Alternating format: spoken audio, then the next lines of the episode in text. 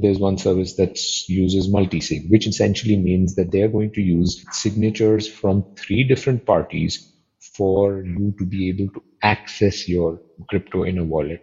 Just like how in a bank locker, you know, you imagine if you have gold sitting in a bank locker, it doesn't just open with one key. It needs two or three keys. One key is with the bank manager and, you know, one key is with you and one is with your wife, let's say. I don't know. So all three keys required to open that locker, just like that. It's a multi-sig operation.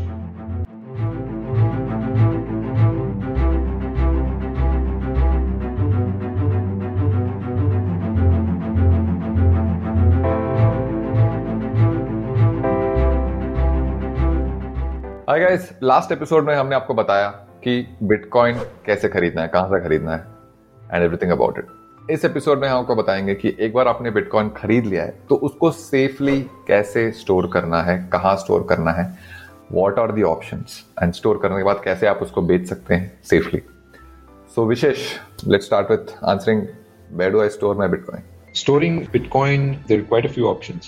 So let's start with where you buy it, right? You buy it on an exchange. exchanges have an inbuilt wallet, so you can leave your Bitcoin there. Then there is external wallets, wallet services. So there are software wallets that can be accessed through your computer or mobile apps. Then there are hardware wallets that um, kind of look like USB thumb drives, almost the size of that, and uh, uh, they are in your custody where you can hold them and put them inside your locker and then there are third party services which also allow you to store your Bitcoin, which is uh, third party custody services. And then there are lastly, the custody services are of two kinds. One is where uh, the whole purpose is securing and you know safeguarding your uh, cryptocurrency and uh, you're just passing on or using their security features and then there is third party custodial service in which they give you interest. It's kind of like a bank where you know how if you took your money and you put it in a bank, then the bank pays you interest to put it in their savings account. Just like that, these third party services where you can store your crypto with them and they will pay you interest on it. So this is the sort of spectrum of how uh, you can store your Bitcoin. So Vishesh, uh, now you said there are two kinds of wallets, right? Hardware and software wallets, right? So can you give some more detail about what are the benefits of each? Which one do you suggest and anything else that we need to know about these in terms of costs also? Yeah, sure. Um, actually, I will give you pros and cons of uh, all four sort of services, um, not just hardware and software wallets. So starting again with the exchange-based wallets, right? Uh, the pros are that they are quickly accessible. So tomorrow you want to, you bought your crypto and uh, you want to sell it. It's right there on the exchange quickly sell it. Like you can do it in a matter of seconds. Um, so quick accessibility and quick uh, transaction, you know, accessibility. Cons are historically exchanges are the first place that get hacked when hackers come to the party. Generally, hackers come to the party is when we are in a bull market. I don't advise people to keep their uh, crypto or leave it on an exchange. You buy it, move it out, keep it in a safe wallet as soon as you can. Having said that, these stories of hacks happening on exchanges are also older stories. They don't happen that much anymore. They don't uh, all the more happen on regulated and well managed exchanges. The industry has matured to that point where they're quite you know good with their security and they have good security practices. But uh, there still are some unregulated exchanges where if you leave your crypto, you are risking your investment it might just get hacked someday. So that's the pros and cons there. Then coming to software wallets, software wallets are definitely safer than exchanges, but they are also at some level potentially hackable. The reason for that is that you know online phishing hacks or attacks or um, any other sort of attacks that you you know when our emails get hacked or our bank accounts get hacked uh, they don't get hacked because the bank system got hacked. And so I'm not saying that the software wallet uh, service gets, gets hacked, but what might happen is that you might do some things or something somebody might introduce a you know bug in your computer a virus or something that causes you to expose your username password that you use to log into your wallet, and that if somebody gets access to that, then they can get access into your software wallet. And uh, the reason why the software wallet is susceptible for this or to this is because it's online, right? And that's what separates um, the hardware wallet. Again, software wallet, ease of use, that's the pros, right? I just gave you the cons. The pros are ease of use, always availability. It's on your mobile phone. Wherever you go, you want to access your crypto, it's right there on your phone, kind of thing. Moving on to hardware wallets. The pros are there is an air gap. This is considered almost the highest standard of security in terms of securing your Bitcoin. When I say air gap means and it's a hardware wallet, it is not connected to the internet. To move it from your exchange to your hardware wallet, you need to plug in your hardware wallet for that transaction to happen. You move it into your hardware wallet, then you disconnect it from the computer. Now it has no access to the internet or anything. It's completely offline. That is the air gap. And it, you can keep that hardware wallet wherever you want to safe keep it. People generally have concerns about, hey, what happens to this hardware wallet if I lose it? Or hardware wallet gets destroyed in a fire, in a flood.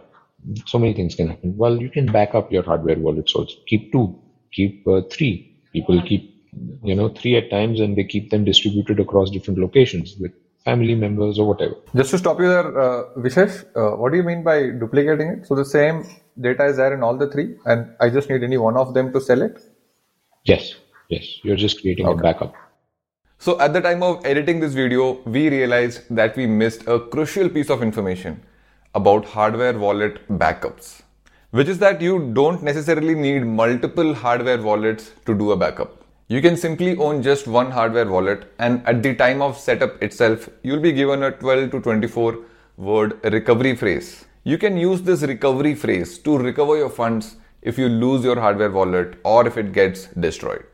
So generally it's a good practice to keep a copy of this recovery phrase and keep it in a secure location where it's safe from fire, theft and loss. A lot of people have these words engraved on metal sheets to make them fireproof and keep them in a secure location. There are also many products out there that offer innovative solutions on how to store your seed words.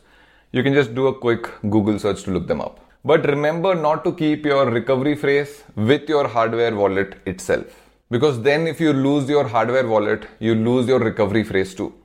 Then comes the cons of hardware wallet, right? Basically, what the pros of the software wallet is not easy to access, easy availability. Every time you want to sell or buy your crypto, you need to basically have your hardware wallet with you. So it's a little cumbersome exercise. Uh, then coming to the third party uh, security services, these are generally considered the highest in terms of their standards, and these are the ones that also come with a fee uh, in terms of security standards, uh, when I say highest, there are different kinds of services. There, there's one service that uses multi-sig, which essentially means that they are going to use signatures from three different parties for you to be able to access your crypto in a wallet.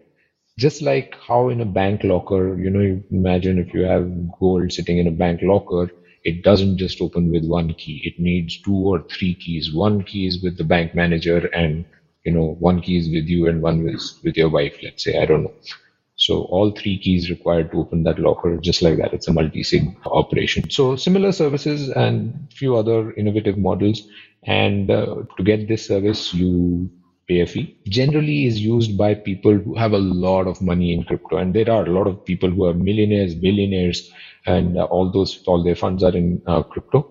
And uh, they don't mind paying the fee of uh, such uh, you know high end security services. They can range from $100 a year to $500 a year to up to maybe even 1000 or $1500 a year. But when you're safeguarding billions it's well worth I didn't talk about costs actually. So you you know exchange based wallets don't really have any costs. Exchanges don't charge you anything to just keep uh, you know your crypto on the exchange. Software wallet companies also generally I haven't come across any that charge you anything hardware wallets well you have to pay for the device one time right like you have to buy the device so these devices again you know range from $50 to $200 you know that's the spectrum and then uh, lastly we speak about uh, the third party custodial services which are also interest bearing these operate like banks how banks pay you interest when you save your uh, money with them and where do the banks make that uh, money to pay you the interest they basically loan out your money, right? They give your money out on loan to others and earn a higher interest rate on that loan and then share some of that uh, interest earnings with you in the form of savings interest that you make. Uh, so similar service and these services are considered fairly secure if you're going with a good leading service provider. Don't go with anybody. Go with somebody who has uh, good uh, business practices. They are giving out loans also, you know, in a in a secure manner. The interest that you can earn generally they pay interest in the form of crypto. So if I put one Bitcoin to save with them, they will pay me two or three, four, four, five percent, whatever the you know offering maybe in the form of Bitcoin. So I am over period of time earning more Bitcoin by keeping my Bitcoin with them. So the pros are clear. You're making some more Bitcoin at no cost. The cons are that you are not in ownership of your coin, of your crypto, tomorrow if they were to one get hacked or two if uh, they just go bankrupt under both situations potentially you can lose your crypto there's there's ways to look at it do some research around that and make sure that you're picking the right partner so so Vishal, uh, you know you you mentioned about the cost that uh, these wallets in case you know any of these wallets or any of these services charge but uh, but what i understand there is a charge for every time you transfer uh, your Bitcoin, say from an exchange to a wallet or from wallet A to a wallet B or back to the exchange? Uh, what are those uh, charges and, and how does it uh, and where does it go exactly? You're right. There are transfer fees and charges for every uh, transaction. So bottom line is, and the way you've got to understand is that every transaction, every time you move your coins or your crypto from one wallet to another, it is a transaction on the blockchain, right? and it's a transaction that is getting validated. The blockchain doesn't care that these are five are your wallets, so why should we charge you money to move from one of your wallets to another one of your wallet? For them, every wallet is a different entity. So it's a the public ledger has to record it, validate that transaction, and the fees that you pay for that is the transaction fees that goes. Now, this is different from the transaction fees we pay to the exchanges that is a centralized entity. In exchange, you're paying the transaction fee when you're buying or selling. That's their almost like their commission that they charge for allowing you to use their marketplace.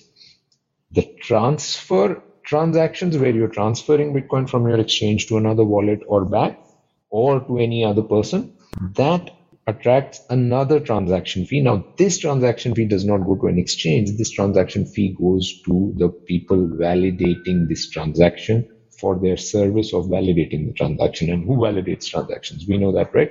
Miners validate the transaction.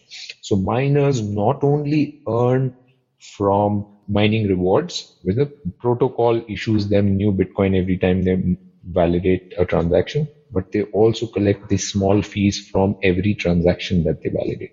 To answer your question about what these fees are, there's no fixed fee. It's not like a defined percentage. These fees go up and down. They fluctuate based on how congested the network is. So how much is the hash rate? How much is the mining capacity on the network? How many miners are currently active uh, compared with how many transactions are coming in. So if there are a lot of transactions and they're not getting processed because there's there's not enough miners, if there's not enough hash power in the network to process them, so there is a huge backlog of transactions that are waiting to be mined. Then which transaction does the miner pick up, or uh, you know the one that pays him the highest transaction fee? So they start. It's a free market kind of a dynamic where when the demand is high, the prices can go up, so the transaction fee can go up. Now to give an estimate. I mean, in a previous episode, I talked about, you know what, I had seen a transaction, uh, and because these are public transactions, I can see them. All of us can see them. One and a half, two billion dollar transaction on which the Bitcoin worth two billion dollars was transferred from one wallet to another. Fees paid was three dollars. Now that's you know pittance, but um, I've also seen cases where uh, you know transaction fee has been as high as let's say ten dollars I have not seen anything higher than that, not in my experience. But it's an interesting one. Might be worth doing some research around how high has Bitcoin transaction fee been, and how can it, how high can it go? What are the best practices in storing Bitcoin, or rather moving it from your exchange to a wallet or a custodian, or a hardware wallet or a software wallet, what are the best practices uh, just to do it safely? Because this is a tricky part, right? I have bought my Bitcoin. Now I want to store it safely. How do I make sure that I don't do any mistakes during that journey and don't lose out on my Bitcoins? Okay, yeah, that's a really good question. For all people beginning in this space, um, this is something to note and uh, you know follow. We want to make sure because this industry is still emerging, still growing. Be vigilant, keep your guard on, and uh, you know just follow certain best practices. Even if you are dealing with the best exchanges, the best custodial services, you know all the number one services you don't know that you know there somebody is you know even though the exchanges are totally fine there is no problem with the blockchain but you can't be sure that your computer or your phone has not been hacked right? You can't be sure that somebody's you know installed something on your machine which gives them access to what you're doing or they're able to see uh, what you're doing or even control your actions. And so some of these best practices uh, very simple actually. So when you're moving money from one wallet to another, you want to make sure that you one move a little amount first and wait till that amount successfully reaches the uh, destination wallet. And then you can be sure that uh, you know everything is good and then move the remaining part. Yes that means that you're going to perform two transactions and yes that means that you're going to pay two times the transaction fees. But in large sums of money that transaction fees is small and it's a good idea to sort of uh, pay that little bit of fees extra just to play it safe. The other thing that you want to do is when you move money from one wallet to another, basically what you do is you go to the wallet that you are sending to. Let's say wallet A is the wallet that you have funds in, and wallet B is the wallet that you're sending funds to. So first you go to wallet B, you look at the wallet address now, which wallet address do you look for? When you start using these services, you will see that when you open the wallet application, you will see in the app, it'll ask you which crypto are you talking about, right? Everything is not Bitcoin. So maybe Bitcoin is the first one there. So let's keep it about Bitcoin, but all of them have the same process in general. So you will go to the app, you will select Bitcoin, and you will choose the wallet address. Now, this is the incoming wallet address. So it'll say you want to receive Bitcoin. You say yes. It'll show you, okay, this is the address. Copy this address into from wallet B into your wallet A. What do you do in wallet A? You go to wallet A and then you say, you click on something called send. You go to your Bitcoin and then you say send. I mean, interface and experience might be different from one wallet to another, but largely this is how it works. So you go and send. The moment you click on send, that wallet is going to ask you, all right, which wallet address do you want to send it to? That is where you paste the wallet address that you had copied from wallet B.